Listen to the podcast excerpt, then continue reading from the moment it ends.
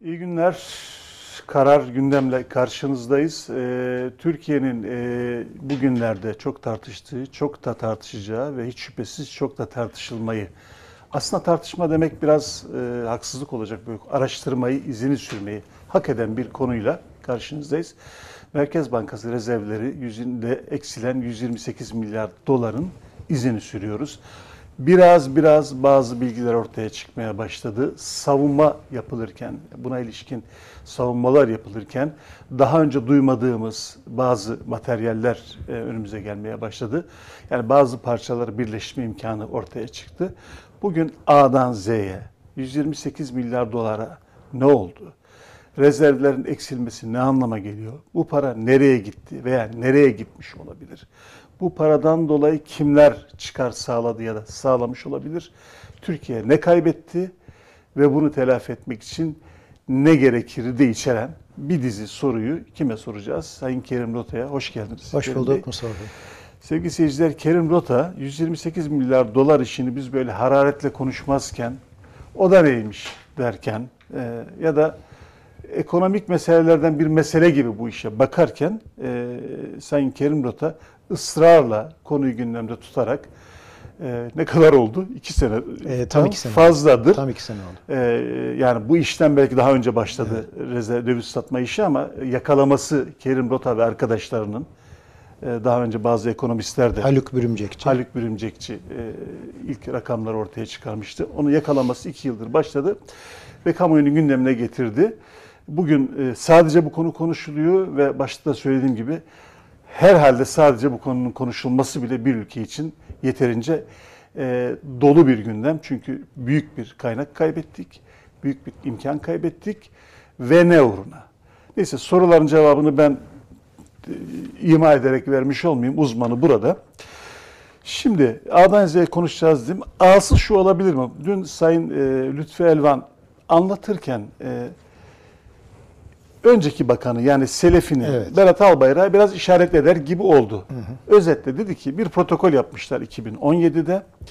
O dönemde Hazine ile Merkez Bankası arasında alışveriş başlamış. Ee, Merkez Bankası parasını hazineye devretmiş. Hazine de bildiği gibi bunu kullanmış. Kabaca söylüyorum. Ee, ben de geldim. Ben geldikten sonra da bu işlemi kestim diyor. Yani kötü bir işlem, yanlış bir işlem olduğunu ima ediyor.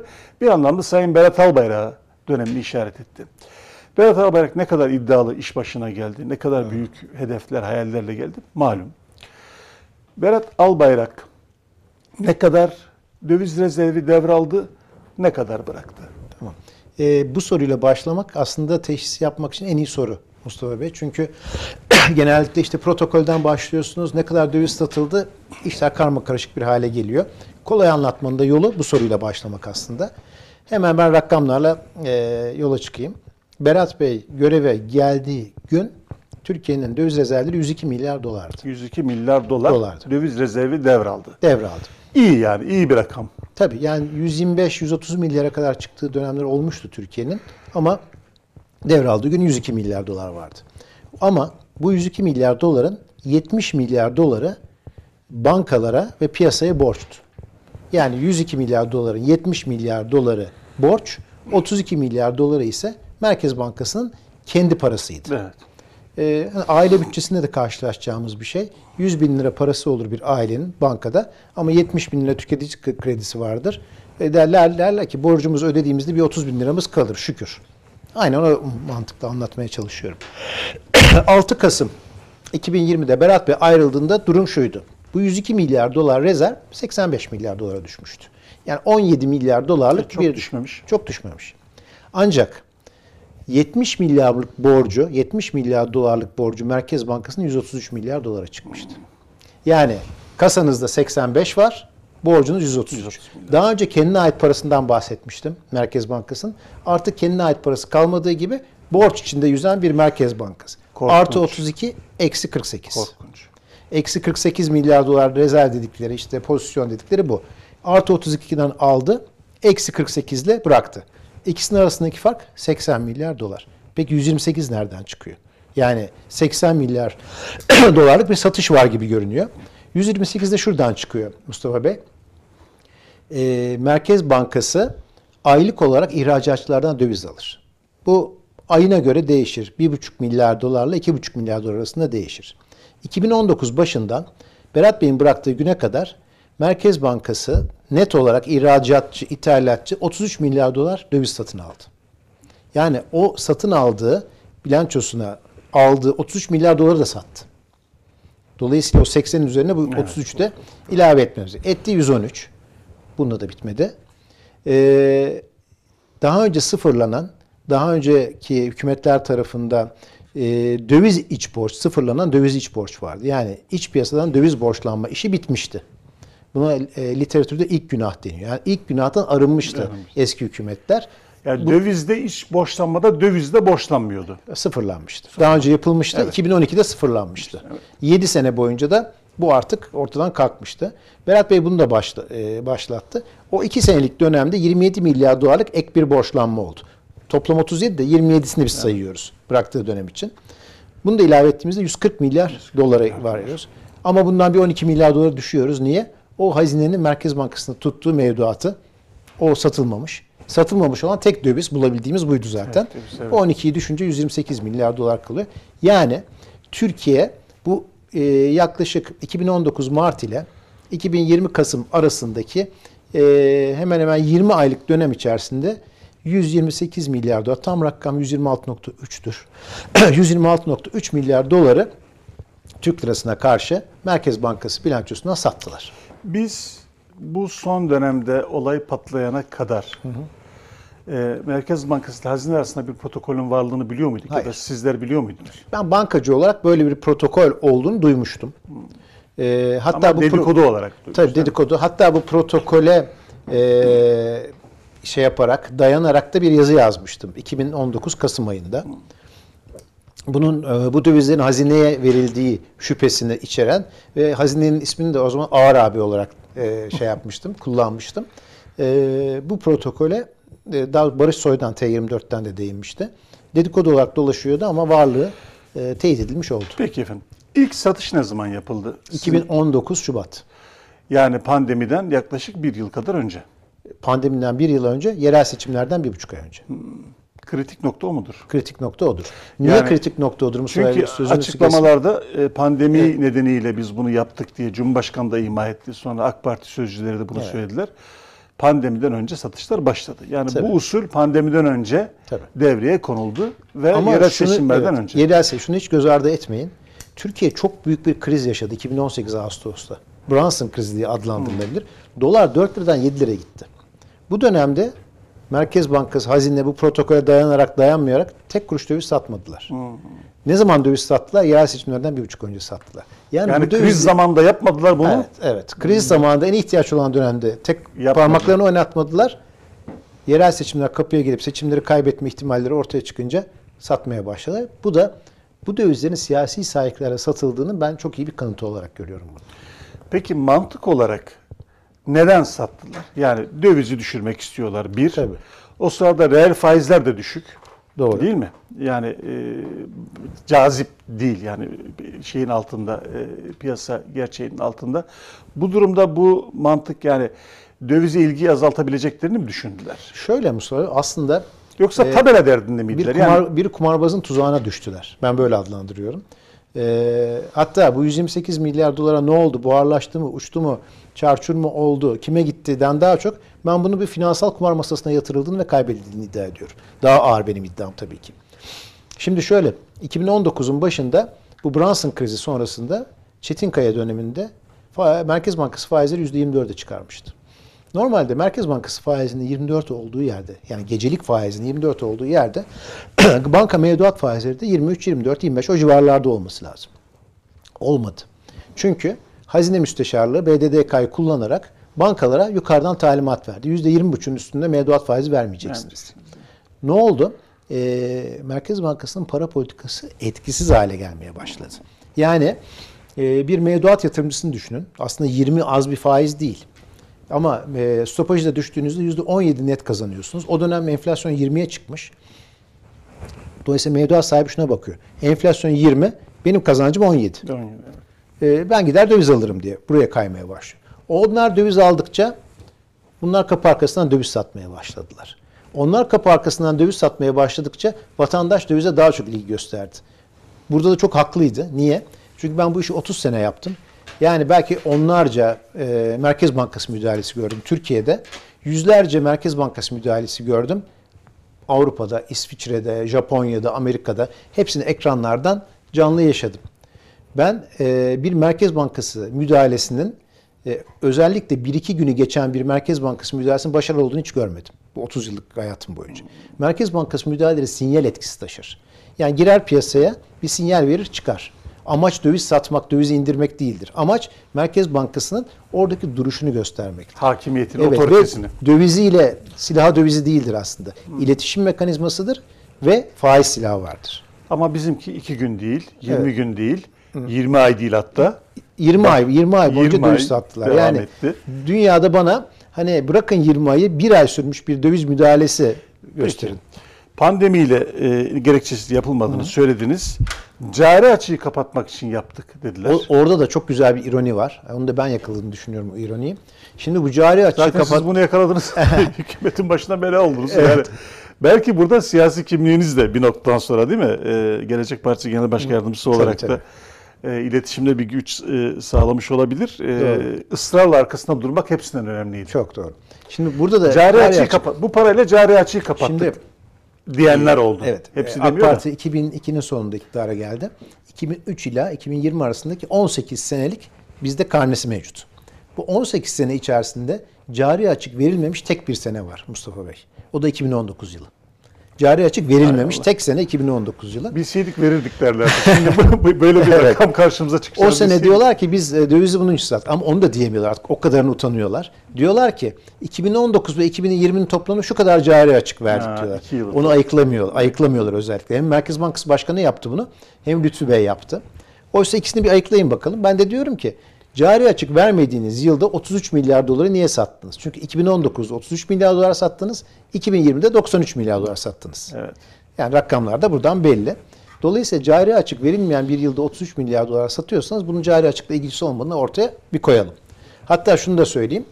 Bu dönem boyunca 540 milyar dolar 2003 ile 2018 arasında bu işler başlamadan önce AK Parti döneminde 540 milyar dolar cari açık verildi. Kümüle. Bu 540 milyar dolar cari açık verilirken Merkez Bankası rezervleri, brüt rezervler yaklaşık 100 milyar dolar, net rezervler ise 30 milyar dolar arttı. Demek ki cari açık verirken rezerv arttırmak olabiliyormuş. Olabiliyor. Onu bir kenara koyduk. Sonra dediler ki ya vatandaş döviz talep etti ona da verdik. Bu doğru ama vatandaş niye döviz talep etti? Vatandaş sizin hem kurları hem enflasyon hem kurları hem faizleri aynı anda bastırma isteğinizden dövize yöneldi mecburen. 20 milyar dolarlık altın ithal edildi geçen sene Türkiye'de.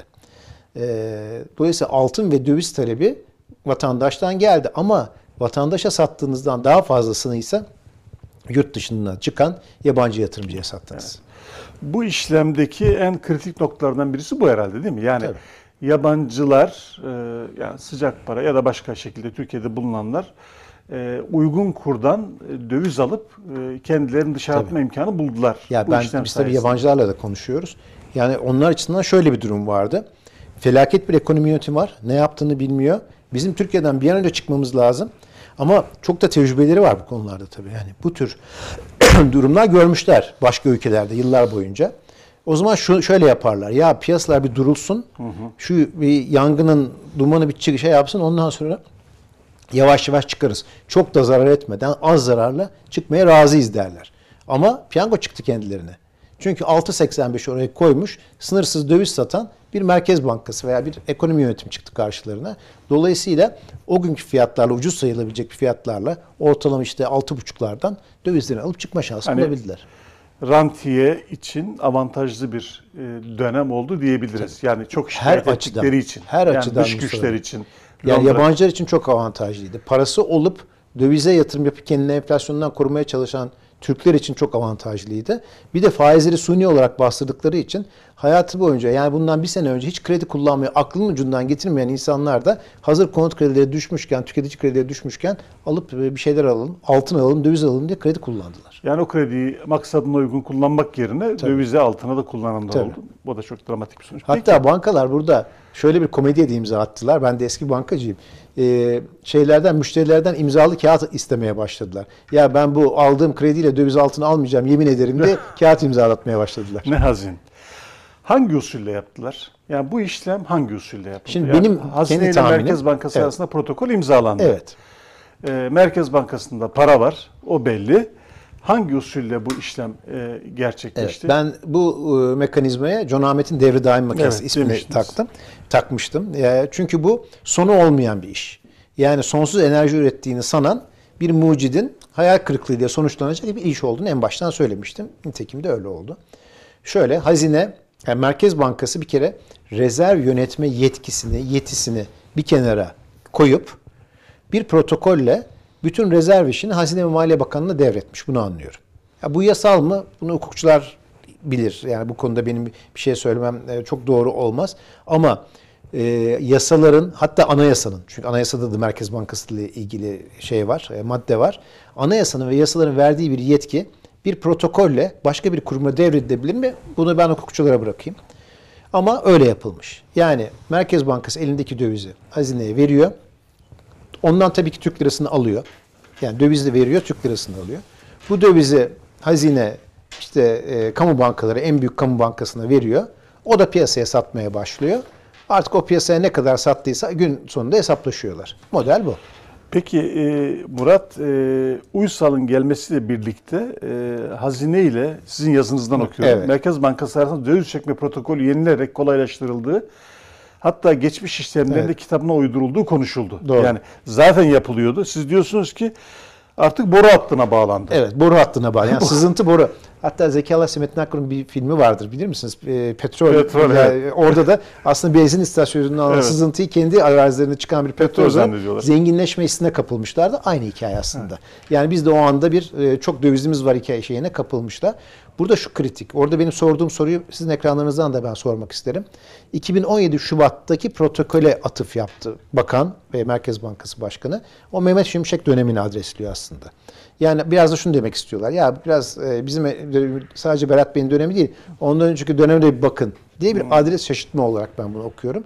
Ben de şunu soruyorum.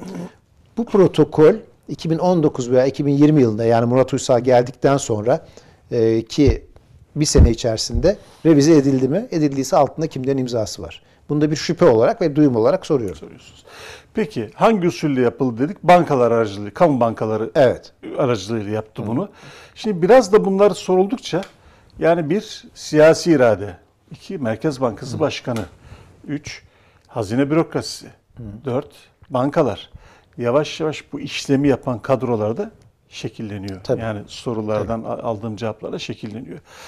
Amaç neydi? Amaç az önce anlattınız. Ee, yani e, seç aslında siyasi bir amaç vardı. Siyasi amaçla başladı sonra giderken- masadan kalkamadılar. Evet. Yani biraz o seçilmeye giderken ekonomiyi, doları düşük. Yani bakanın skorlarını iyi göstermek için yapılan bir Tabii. şeydi değil mi? Faizi de düşürüyor. O, o dönemki özgüvenleri hatırlayın Mustafa Tabii, Bey. müthiş. Bakın nasıl düşürdük doları. Tabii 5'e İngilizler, düşürdük mü? İngilizleri Oldu de mahvediyoruz. Evet. Ha, yani da- o özgüvenle. Hatta ben e, hani şunu da duydum. O dönem ya şu Londra'da da Türk lirasını alıp satanlar var. Şu Türk lirasını oradan bir süpürelim. Elimizdeki dövizleri satıp oradaki TL'leri çekelim. Bak Londra işinde bitirdik mi?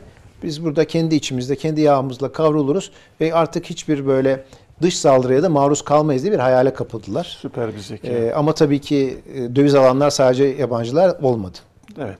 Ee, peki e, yabancı yatırımcılar bu miktardan ne kadar aldılar sizin tespitlerinize göre? 70 milyar dolar aldılar. İnanılmaz. Yani Ee, paranın tabii e, şimdi yarıdan burada- fazlası evet, yabancı bunu da böyle hani e, diğer programlarda işte 16 milyar, 17 milyar gibi e, rakamlar duyacaksınız. O yanlış. Niye?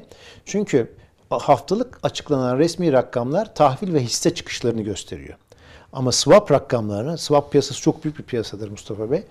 O rakamları göstermiyor.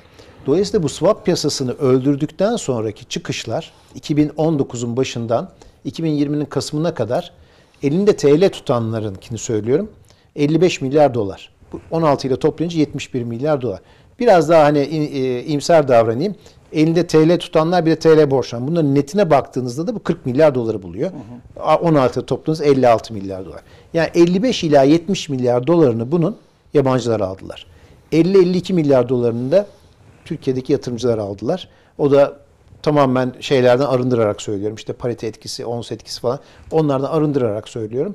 Yani bu işin yüzde 60'ı yabancılara gitti, yüzde 40'ı yerli yatırımcılara Bir gitti. trajedi değil mi ya? Yani Trajedi. yerli milli Evet. dış güçlerle savaşıyoruz. Uluslararası baronlar, karanlık güçler, Çünkü tefeciler bilmiyorlardı. diye yani Evet. bayraklaştıran bir hükümetin e, tam da o tanımladığı yani öyle gördüğü e, para odaklarına, finans odaklarına böyle bir imtiyaz, imkan tanıması bir siyasal trajedi. Doğru. Bilmiyorlardı. Yani bilmeyen bir ekiple başa geldiler ve o ekiple e, devam ettiler. E, maalesef e, ve hırslarının, inatlarının ve kibirlerinin kurbanı oldular Mustafa Bey. Peki ne olacağını zannediyorlardı? Yani yolun bir yerinde görmüyorlar mı bunu? Ya bu gidiş gidiş değil. Paralar gidiyor. Türkiye'nin bir doları elde etmek için ödediği maliyet, faiz, ürettiğim ihracat belli. Yani doları biriktirmek için ne kadar çaba gösterdiğimiz belli. Dolarlar eriyor.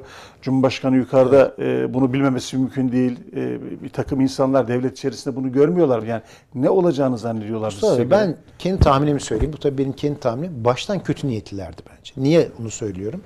Yani şu mekanizmayı bir keşfettiler ya. Ya baktılar 2019 yılında 30 milyar dolar satarak aslında idare ettiler. Faizleri düşürdüler. 24'lerden faizler böyle 10-11'lere kadar geldi. Şunu keşfettiler. Biz e, dövizi baskılarız. Faizleri de baskılarız. Senede de 20-30 milyar dolar satarak biz bu dengeyi götürürüz. Ve 20-30'dan hesaplayın 2023'e kadar bizi götürür diye hesapladılar. yani bu 2023'e kadar kapağı atma planıydı Evet aslında. yani bu rezervleri bitirmeye kafaya koymuşlardı da 2023'e kadar gideceğini düşünüyorlardı. İşini bozan ne oldu? Pandemi oldu. Pandemi oldu. Pandemi bütün dünya birbirine girdi ve ondan sonrasında da bütün e, dünyada bu parasal genişlemeler e, yapılırken yardım şekliyle yapı burada kredi pompalamasına e, gidildi. Kredi balonuna gidildi. O tabii döviz talebini iyice azdırdı ve 93 milyar dolar sattılar 2020 yılında. Normal şartlarda 3 sene içinde satmayı planladıklarını bir sene Planladıkları içinde parayla. sattılar. Ortalama kurları neye geliyor? 6.28. Korkunç. Yani bu tabii bizim kendi hesapladığımız Yani rakamlarla. ağırlıklı ortalaması oraya. Yani Ağırlıklı. Nereden hesaplıyoruz bunu da? Her ay ne kadar döviz satıldığını biliyoruz. O ayın ortalama kurunu biliyoruz. O ayınla çarpıyoruz. Yani bugün dolar 8.10, Evet. 8.30'ları 40'ları gördü Evet. ama 8.10 diyelim. Evet. Bugünküden alalım. Ee, 2 lira civarında bir kayıp var. Muazzam bir Ee, kayıp değil mi 128 milyar dolar da bu yaklaşık işte 250 milyar TL civarında e, bir kayıp e, demektir. Hmm. E, kişi başı 3000 TL, aile başına da yaklaşık 10-12 bin TL civarında bir kayıp Ve var. %60'ı yabancıların cebinde. Evet, yani avantaj olarak onların Tabii, cebinde. Tabii ki. Yabancılar ve e, Türkiye'de e, hani ilk yüzde üçteki beşteki servet olan insanlar. Peki, komplo teorisi yapmak istemiyorum. Doğal seyri gereği bu işlemin aslında bir insider, içeriden bilgi verme ve bu işi takip edenlerin izleyebileceği bir e, periyot da içermiyor mu? Mutlaka içeriyor. Şimdi ben de Yani hani- param varsa Tabii. Bunlar 6.25'ten, 6.10'dan, 6 kaçtansa doları verecekler artık kestirebiliyorum bunu. Param varsa bekleyip toparlıyorum, e, toparlayabilirim diyenler için Tabii. kale boş. Şimdi bunu e, ekonomiyi biraz anlayanların gördüğü bir kısmı var. Hani bunu bir suç olarak koymak mümkün değil. Yani ben de bir bununla ilgili bir hikaye yazmıştım. Bir pandemi hikayesi yazmıştım. Üç karakterden oluşan. Orada da finans müdürü diyordu ki aman bak bu faizler yükselecek, kur- da yükselecek. Hazır şimdi şu kredileri al diyordu. Şimdi bu bir öngörü. Buna söyleyecek bir şey yok. Ama şunu da sorgulamak lazım. Yani e, o gün hangi kurdan ne kadar döviz satılacağını kim karar veriyordu? Dolayısıyla bu kararı kime iletiyordu? Ve o işlemleri yapanlar o gün ne kadar döviz satılacağını biliyorlarsa aslında önemli bir çıkar elde etme şansı var. İşte o yüzden açıklansın diyoruz. Hani ben CHP'nin başını çektiği 128 milyar nerede sorusunu çok sormuyorum. Çünkü nerede olduğunu biliyorum. Ee, kimlere satıldı sorusunu daha önemsiyorum. Tabii. Ama e, benim için en daha önemli soru bu işi niye yaptınız? Bunun arkasındaki kamu zararının sorumlusu kim? Geleceğiz sonra. Yani aslında e, işlemin tabiatı gereği rantiyenin yerlisi diye yani gerçi rantiye de suçlamıyorum. Adam hesabını kitabını yapıyor. Kaleni sen açarsan ellerini havaya kaldırırsan paranı toplar. Doğru. Şu anda Tabii. Türkiye devleti ellerini havaya kaldırmış. Bu iki yıllık dönemde. Maalesef. Kaleleri açmış.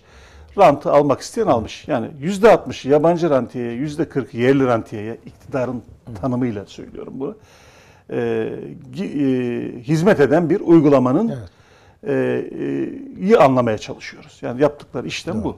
Peki e, bu süreçte bir şey var mı? Kaç parçada operasyon yapıldığı var mı yok süreklilik mi var? Bir süreklilik var Sürekli. burada. Yani Ee, bazı günler 3 milyar 5 milyar. Tabii bazı aylık olarak takip edebiliyoruz biz bunu. En yüksek ay böyle 10-12 milyar dolarlara çıkan aylar oldu. Geçtiğimiz e, Mayıs-Haziran gibi aylarda. E, 2-3 milyar dolar olan aylar da oldu ama 20 ayda yapıldığını ve 128 milyar satıldığını göz önüne alırsanız ortalaması aylık 5-6 milyardır. Şimdi iki konu. Bir, Sayın e, Nurettin Canikli dedi ki, izlediniz mi bilmiyorum. Başını izledim. Bu para hiç bir yere gitmedi kardeşim. E, yani bir de iktidarda böyle bir şey var. Hiçbir şey olmadı ki. Yani ne var ki şeyi var açıklamalarda böyle bir şey. 75 milyar lirası diyor. 75 milyar doları diyor. E, kişi ve kurumların banka hesaplarında. Yani döviz tevdiat hesapları arttı demek istiyor Evet. herhalde. Doğru mu? Bir devam edeceğim. 36 milyarı hane halkında, yastık altında. Doğru mu? Kalan da yabancılar aldı gitti diyor. Ee, yani bu kadarcık bir itiraf var. Yani yabancılara da Evet. verdik, Evet. diye- vermedik diyemiyor. Yani 126 milyarı tasnif etmiş.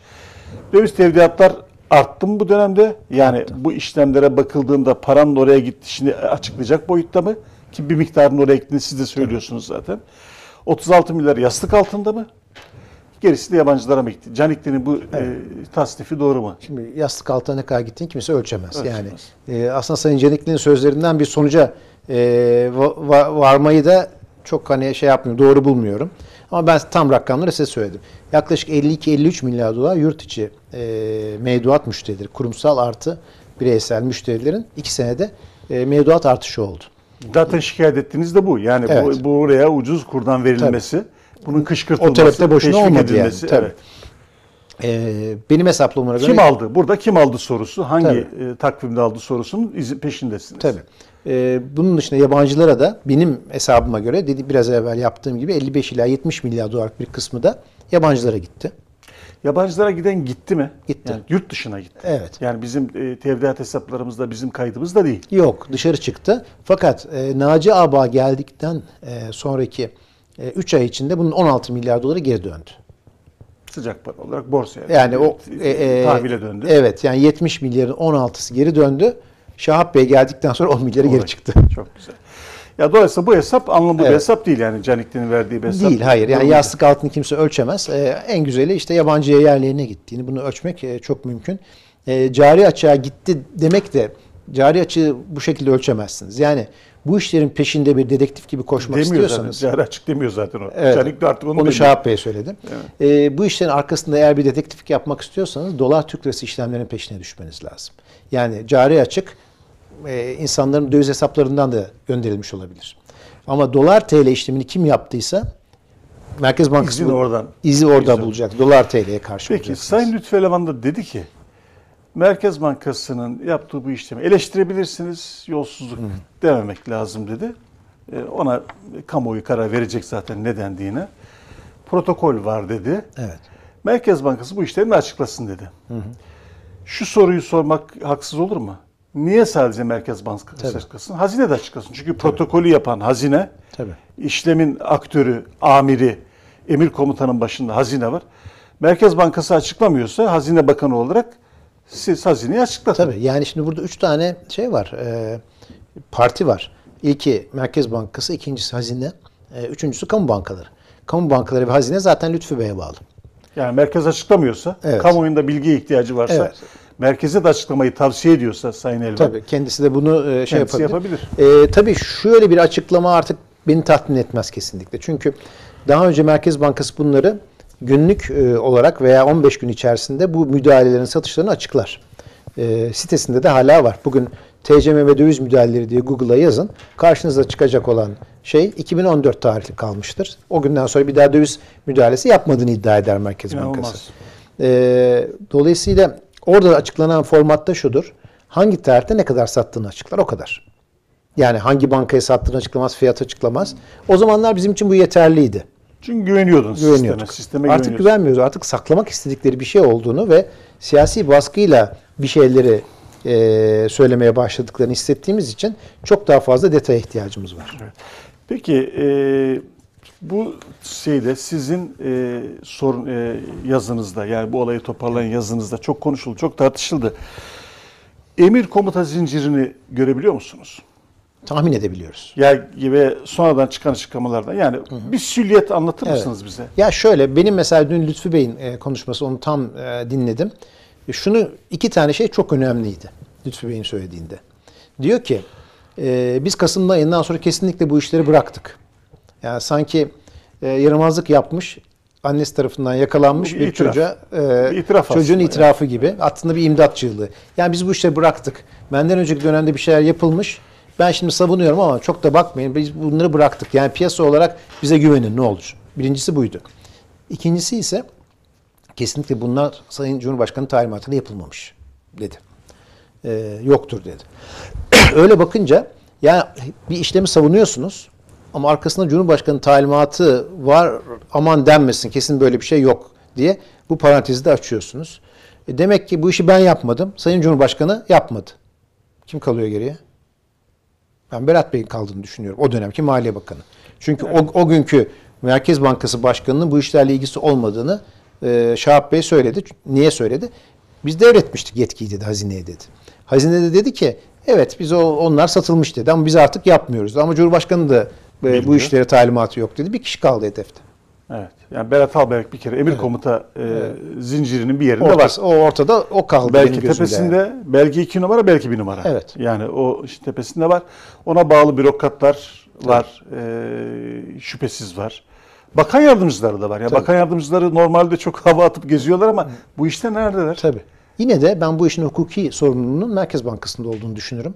Çünkü Protokole rağmen. protokole rağmen ya o protokol geçerli protokol mü bilmiyorum dediğim gibi. Ama geçerli bir protokol bile olsa e, bu yetkisini e, devretme e, özelliğinden nasıl vazgeçtiğinin bir kere e, mutlaka sorulması gerekiyor. Evet. Evet ben e, de gördüğüm e, cevaplar, verilen cevaplar tatminkar değil. E, bazıları e, lisanı hal anlayın işte kardeşim. Evet. Lütfü Elvan'ın dediği gibi diyorlar. anlayın işte kardeşim e, diyor. Bazıları Canikli'nin yapmaya çalıştığı gibi karartma peşinde. Ama insanlar ne olduğunu yavaş sızıyor. Yani Evet. sızıyor oradan bir emir komuta zinciri maksat.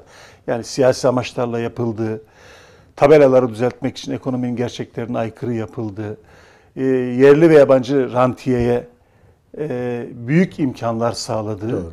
ve Türkiye'nin e, Merkez Bankası elindeki rezerv kaybı nedeniyle Türkiye'nin ekonomi üzerindeki otoritesini ciddi ölçüde kaybettirdiği bariz olan bir işlem. Doğru. Eklenebilecek başka çok şey var. Siz de eklediniz. Şimdi siz sorular sormuşsunuz, sordunuz. Yaklaşık bir hafta önce. Bir, Merkez Bankası hangi kuruma hangi tarihte ne miktarda ve fiyattan döviz satışı Tabii. O zaman daha bu hazine meselesini itiraf etmemişlerdi. etmemişlerdi. Evet. Fakat buna rağmen Evet. e, hazine ya da kardeşim siz yani Evet. bir araya geldiniz ne yaptınız bu Evet. parayı kime sattınız sorusu hala ortada cevabı Evet. verilmiş Doğru. değil. Bilmiyoruz. Yani bu cevap verilmeden de şaibe aslında ortadan Doğru. kalkması Aynen mümkün öyle. değil. Bu, bu soru hala cevapsız. İki, alan kurumlar e, bunu aynı tarihlerde kime sattı? Önemli bir şey işte. Bankacı olduğunuz için soruyorsunuz. Yani biz ne? Biri aldı cebine koydu düşünüyoruz. Bir de buradan işlem ticaretini yapan Tabii. e, bir şey var ki finansal piyasada normal bu. Bilançolarında kalan fazla varsa bununla yaptılar. Buna dair bir iz işaret var mı elinizde? Bilmiyorsunuz bunu. Bilmiyorum. Yani bu soruda Tabii. mutlak cevapsız. Eğer bir bankaların üzerinden geçtiyse, yani o bankaya o gün 323 milyon dolar aktarıldıysa tam kuruşu kuruşuna 323 milyon doları mı sattı? Yoksa fazlasını mı sattı, azını mı sattı bilmiyoruz. Fazlasını sattığı dönemler olduğunu biliyoruz. Onu bankaların açık pozisyon yarattığı e, dönemde izleyebildik. Bu işlemler e, hangi fiyattan yapıldı? E, Evet. Şu anda aşağı yukarı tahmin edebiliyorsunuz ama Evet. işlemler bilinmediği için işlem bazında fiyat veremiyorsunuz ama aşağı yukarı yani söylediğiniz fiyat 6 28, evet. 6.28 e, gibi. Çok kaba bir tahmin benim Kaba ortalama kuru Evet. buydu bunun. Yani e, almak isteyenler için elverişli bir kurdu ama kim hangi kurdan aldı gerçek şeyi e, hacmi bile, bilemiyoruz. Bu da cevapsız saydı yarısı en azından. E, evet bir çok kritik bir soru tabii. Yine bankacı şeyiniz var burada. Bu kurum ve kurumlardan döviz alan kamu bankaları aynı gün içerisinde döviz piyasasının hangi fiyattan ne kadar döviz sattı? Evet. Ne demek bu?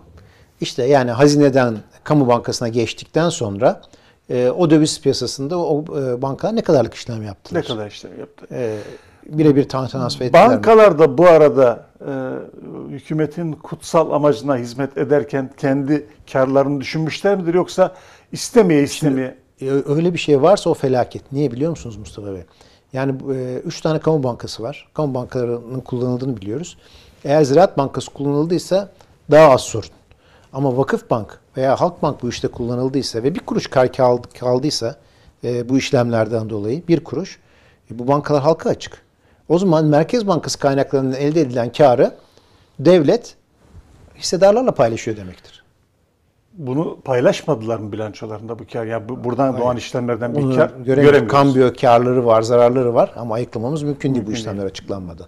Sonra o yüzden o soruyu sordum. ben. Yani bir işlem yanlış yapıldığında O zincirleme e, hata, onu gizle, bunu kapat, Tabii. bunun üzerine aban e, Gömleği çaresiz, çaresiz gibi. Evet. kalıyorsun. Evet. E, kamu bankaları aynı gün içerisinde belli bir miktarın üzerinde e, talep eden müşterilerin hangi fiyattan ne kadar döviz sattılar? Şimdi sadece bankalara e, bankalara döviz satmış olmasını varsayıyoruz. Ama şu da olabilir. Yani dedik ya e, Türkiye'de vatandaşlar da talep etti. Kurumlar da Tabii, talep etti. tabii. 50 küsür milyar dolar buradan geldi. E bu kurum bu bankaların da bu, bu tür müşterileri var. Evet. O müşterilerine kaçtan sattılar? Soru Ve devamında diyorsunuz ki türev pozisyonları neydi? Evet. Ee, tekrar e, kamu bankaları o günkü alış maliyetinden daha düşük fiyattan yapılan satışlar varsa bunlar kime yapıldı? Evet. Yani burada yolsuzluğun, e, kayırmanın, e, insider, insider'ın izini sürüyorsunuz. Tabii. Yani bu soruları bu detayda cevap verilmeden de Bunların burada bir cevap- tatminkar bir cevap Ve bu mümkün değil. çapta bir işlem 126 milyar, 128 milyar dolarlık bir işlemde de bu sorular mutlaka cevaplanmak zorunda. Bu sorular da anlamlı. Yani yoksa Çok anlamlı ve inanın bunları e, hani e, Sayıştay'ın e, ufak bir şirkette yaptığı araştırmadan çok daha kolay şekilde bulunabilecek şeyler bunlar. mutlaka da bulunacaktır bir Tabii. gün. Peki bu işlemi yapmış olmakla e, hükümet, e, Berat Albayrak yönetimi e, şahsen Sayın Cumhurbaşkanı'nın bilgisi haricinde olduğunu asla düşünmeyenlerdenim. Ki çoğunluk böyle e, yorum yapıyor. Yani böyle bir bilginin Tabii. Cumhurbaşkanı'nın bilgisi haricinde olması mümkün değil. Yani o, o da o daha büyük bir felaket. Aynen öyle olur. Yani devletin bütün parası harcanıyor Evet, ve Cumhurbaşkanı bundan haberdar değil. Her şeyden sorumlu kişi olarak bu akıl ve mantıkla e, devletimiz çok güçlü değil. Denetim yok, denge yok, liyakat yok onu biliyoruz ama bu kadar da değil. Evet. Bunu Cumhurbaşkanı bilmemesi mümkün değil. Uçan kuşu, e, arabaların cam filmlerini bilen bir kişinin bunu bilmesi mümkün değil. E, bizim de bir siyasi gözlemimiz var yani o kadar değil. Peki ne yapılmış oldu? Yani bu işlemi yapmış olmakla siz buna Cumhuriyet tarihinin en büyük finansal skandal Doğru. diyorsunuz. E, Doğru bir tanımlama bana göre de. Ne anlama geliyor? Bize kaybı nedir? Yani itibar, ekonomi yönetimi kaybı, milli gelir kaybı, üretim, gelecek nesillere maliyet, o paraların yeniden e, geri gelmesi için bir e, ihracat yapman gerekiyor, faiz ödemen gerekiyor, borç alman gerekiyor vesaire. Ne toplamda ekonomik değeri anlamı nedir bu işin? E, Hem değeri hem aslında anlamı. söylediklerinizin hepsi bir kısmı zamanla olacak, bir kısmı hemen oldu. Hemen olan kısmı şu. Hemen olan kısmı bir kere e, Türkiye'nin hani bu da benim e, tabirim değil, e, sevgili Murat Kubilay'ın tabiri. Türkiye'nin finansal güvenlik kalkanı indirilmiş oldu Mustafa Bey. Yani nedir? Artık e, Türkiye döviz artışlarını hiç tolere edemeyecek bağışıklık sistemin sıfıra inmiş bir ülke haline geldi. Rakamlarla söyleyeyim size. Berat Bey devraldığında merkezi yönetimin borcu 91 milyar dolardı. Yurt içinde döviz borcu yoktu devletin. Devlet sadece devlet bilançosundan yola çıkıyorum. Merkez Bankası'nda 32 milyar dolar kendine ait rezerv vardı. Netine baktığınızda 60 milyar dolarlık bir döviz yükümlülüğü vardı devletin. Şimdi 60 milyar dolarlık bir yükümlülük e, 700-800 milyar dolar milli geliri olan bir ülke için çok anormal bir rakam değildi. Öyle bakınca e, ben hani şunu diyebilirdim size. Ya Türkiye'nin döviz riski kontrol altında diyebilirdim. Bugün geldiğimiz noktada merkez yönetim borcu 90 milyar dolardan 102 milyar dolara çıktı. E, döviz iç borç 38 milyar dolara çıktı. Sıfırdan 38 milyar Sıfırdan, dolara evet. çıktı. Merkez Bankası'nın e, rezervleri eksi 48'e geldi. Toplayıyorsunuz 200 milyar doları buluyor. Ya 60 milyar dolar açık varken 200 milyar dolar kamu açığına gelmiş olduk. Şimdi artık şunu biliyor. Yani e, Şahap Bey'in yerinde olmak hiç istemez. Niye? Çünkü bir Merkez Bankası başkanının elinde 3 tane silah vardır. Rezerv silahı, faiz silahı, iletişim silahı. Şimdi elinde rezerv silahı olmadan koltuğuna oturdu. Faiz silahının olmadığını da biliyoruz. Çünkü yerine koltuğuna oturuş şekli o şekilde zaten. İletişim silahının da olmadığını son e, bir haftada iyice gördük. Tamamen bağışıklık sistemimiz açık. Artık hani finansal saldırı lafını ben çok sevmiyorum ama Türkiye'nin yani bir 5-10 milyar dolar daha sermaye çıkışına şeyi kalmamış vaziyette. Toleransı kalmamış vaziyette. Bu finansal güvenlik kalkanını indirmeniz e, ve bütün dünya finans piyasasında herkes kendini kurtarmaya çalışıyorken sizin cephede kalkanınız olmadan dolaşmanıza benziyor. Her an bir kaza kurşununa kurban gidebilirsin. Bu birinci kısmı. Bu işin belki de milli güvenlik boyutu. İkinci kısmı kamu zararı meselesi. Biraz evvel sizinle kapataslak hesapladık. 200-250 milyar liralık bir kamu zararı. Ama bundan daha önemlisi bu 128 milyar doların bu zarara rağmen alınamayacağı gerçeği. Biz bu zararı bugünkü fiyatlarla İzleyicimiz anlasınlar. Yani 6.25'ten Türkiye'nin bütün rezervleri hemen hemen satıldı. E, bugünkü kurla kıyaslandığında 250 milyar TL'lik bir zarar oluştu. Fakat biz o parayı bugün tedarik etmeye kalksak mümkün değil. aynı parayla Bir örnek vereyim size. Ee, Şahap Bey'in geldiği hafta bir yabancı çıkışı oldu. 10 milyar dolarlık bir yabancı sermaye çıkışı oldu. 10 milyar dolar da yurt içi yatırımcılar sattı. Yani dengeli bir piyasa vardı. Buna rağmen Türk lirası %10 değer kaybetti. Yani 10 milyarlık dolarlık bir çıkışla %10 değer kaybeden bir e, Türk lirasının 128 milyar doları geri almak istediğinizde nereye geleceğini siz düşünün. Düşünmesi bile Evet. evet. Burada cevabını bilemezsiniz ama sormamız, araştırmamız gerekiyor. Ee, Sayın Naci Ağbal'ın gidişinin sebeplerini hep tartıştık. Evet. Faiz mi? Yeni başkan geldi. Faiz inmedi. Yani çok acil bir faiz, dayanılmaz bir faiz e, hatası yapmış idi ise bile Naci Ağbal, yeni başkan hatta para piyasası kurulunu beklemeyebilirdi değil mi? Doğru. Olağanüstü yapabilirdi. indirebilirdi. Böyle bir şey yapmadı. Geldi ve e, faizi yerinde tuttu. E, dolayısıyla faizle ilgili ölümcül bir gerekçe yokmuş gibi anlaşılıyor. Doğru. Acaba Naci Ağbal 128 milyarın izini sürmeye başlamış olabilir mi? Sorusu bu durumda daha güçlü hale geliyor mu size göre de? Ya ben e, tabii artık bu kısmı spekülasyon yapmak olacak maalesef. Yani içeriden bir bilgi edinemediğimiz için. Ama şöyle düşünüyorum ben. Yani Naci Bey geldi. E, yaklaşık böyle 120 gün bir görev süresi oldu. Hani bir şirkette de, kamuda da geldiğinizde ilk 100 gün içerisinde ne yaparsanız yaparsınız. İyi, bu 100 gün içinde bir tane bile kurmayını değiştiremedi. Değiştirmedi veya değiştiremedi. Öyle olunca Değiştirtilmedi kendisi. Belki de değiştirtilmedi. Öyle olunca ben özellikle AK Parti'nin içindeki bazı e, kesimler tarafından hedefe artık konduğunu e, ve yıpratılmaya başlandığını düşünüyorum o Geldiğinde bile aşağı yukarı gideceği belliydi bir süre Evet sonra. ama tabii böyle bir kısa süre içerisinde olacağını değil. tahmin etmiyorduk. Hani spekülasyon yapmak için söyleyeyim. Belki de Şahap Bey'in geçen hafta yaptığı açıklamayı yapmak, yapmak istememiş de olabilir. Çünkü bu 128 milyar dolar savunulacak bir tarafı yok. Yani bugün bir arkadaşımla konuşuyordum. Hani okulda münazara kulüpleri vardır eskiden bizim Ha, evet, zamanımızda. Hiç Hangi- e, istemediğiniz bir iddiayı savunmak zorunda kalırsınız. Ben de ona dedim ki ya hani ben beni Nurettin bir yerine koysalar ondan daha iyi savunurdum bunu muhtemelen ama içimde hiç el vermezdi. El vermezdi, evet. Herhalde Naci Bey'in de içi bunu savunmaya el vermemiş olabilir diye bir spekülasyon benim de aklıma geliyor. Yani e, şey gerçeğe yakın bir spekülasyon olsa gerek. Çünkü Naci Bey de savunmadı aslında bunu. Hiç Çünkü savunmadı. o zamanlarda başlamıştı bu. Evet. Ya o zamanlarda e, Sayın Cumhurbaşkanı'nın ilk açıklaması Naci Bey görevdeyken Evet. e, rezervlerle ilgiliydi. E, dolayısıyla orada üstlenmedi Naci Evet. Ağbal. Onu da altı çizilmesi gereken bir şey. E, tabii ki başka sebepleri de var Ağbal'ın gidişinin. E, Berat Albayrak'a verilmiş bir ödül olduğunu e, düşünenlerdenim. E, ama buna bir takım gerekçeler aranır ya bunlardan birisi de bu olabilir diye e, tahmin ediyorum. E, şimdi e, bugün rezervlerimiz eksi 44 milyar Evet. dolarda. Şimdiden sonra Türkiye'nin e, makulü düşünecek olursak aslında makulü düşünmeyi kaybettik ama yolu ne olmalı? Yani rezerv biriktirmek için e, standart yöntemler dışında e, agresif ekstra bir e, çıkışımız var mı yoksa agresyon daha da başımıza bela açar. E, standart modelle gidelim mi dersiniz? Ee, Türkiye bir 5-6 senesini kaybetti bence böyle e, Mustafa Bey. Yani e, Çok kolay söylediniz. bunu. Evet. Türkiye e, mesela faiz düşürmesi gerektiği zaman bile artık düşüremeyecek. E, Tayyip Bey'in e, şöyle bir bence ikilemi var. E, faiz e, e, pozisyonundan veya faiz kararlarından memnun olmadığı olmayıp yerine kimi koyduysa hepsi faiz yükseltti. Faiz yükseltmeden gönderdiği hiçbir e, Merkez Bankası Başkanı yok. Yani bakın Erdem Bahçe faiz yükseltti gitti. Murat Çetinkaya faiz yükseltti. E, Murat Uysal da faiz yükseltti. Ki asla yükseltmeyeceği düşünen Hiç yani Murat. Uysal bile faiz yükseltti. Zaten Naci Bey yükseltmek için gelmişti. Eminim Şahap Bey de faiz yükseltecek.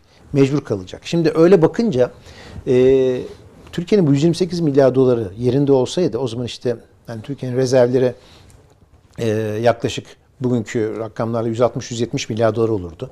Swapları düşüyorum. E, o zaman e, işler biraz iyiye gittiğinde faiz düşürme yeriniz olurdu. Şimdi o yeriniz de yok. Döviz biriktirmeniz de lazım. Şimdi döviz biriktirmenin en kolay yolu bu ihracatçılarla alınan döviz. Bu da yıllık 25 milyar dolar civarında. Şimdi sırf onu beklerseniz... Yani 160 milyar ihracatın 25 milyarı mı alınabiliyor ihracatçılar? Evet. Evet. Gerisi. Exim Bank kredisi e, verilerek alınanlar buraya giriyor çünkü. Öyle bakınca e, bu rezervi e, yerine koymak için 128'e bir 5-6 sene bir kere e, beklemeniz lazım. O çok uzun bir süre. Demek ki bunun yanı sıra bir de Merkez Bankası'nın arada döviz e, alacak çıkışlara da ihtiyacı var. Ama bunu da düzenli bir ihaleyle yapamaz artık. Yani ben her gün 200 milyon dolar alıyorum dese kur uçar gider. Uçar gider. O yüzden iyi gördüğünde piyasaları günlük ihaleler açıp e, bu açık yaranın e, yavaş yavaş kapanması için bir süreye ihtiyacı var. Buna niye mecburuz? Dış borç taahhütlerimiz, ödemelerimiz Tabii. olduğu için mi? O, o var. Bir de e, hani finansal güvenlik kalkanı dediğimiz e, gerektiğinde bu dövizi doğru yerde kullanabilmek için için. 450 milyar dolar borcu olan bir ülkesiniz. 220 milyar dolar Türkiye'de vatandaşların döviz hesabı var. Merkez Bankası rezervleri 85 milyar, bankaların elindeki rezervlerde 20 milyar dolar. Başka ne diyeyim diyorsunuz haklısınız. Çok teşekkürler Kerim Bey. Yani e, konuştuk aslında sık konuşmak şundan gerekiyor. Hem e, büyük bir skandal oldu sizin e, deyiminizle ki ona iştirak ediyorum. Konuştukça yeni bilgilere ulaşmak mümkün olabiliyor. Yani birileri cevap vermek zorunda kalıyor. Satır aralarında olsa o süliyet yani iskelet yavaş yavaş Evet. oluşuyor. Ama asıl can yakıcı sorular e, bu işin e, siyasi karar vericisinin e, açıklama yapma mecburiyeti var. Bu sorumluluk ortada. Açıklama bile kurtarmayabilir. Belki uzun uzun bunların tartışılması gerekiyor.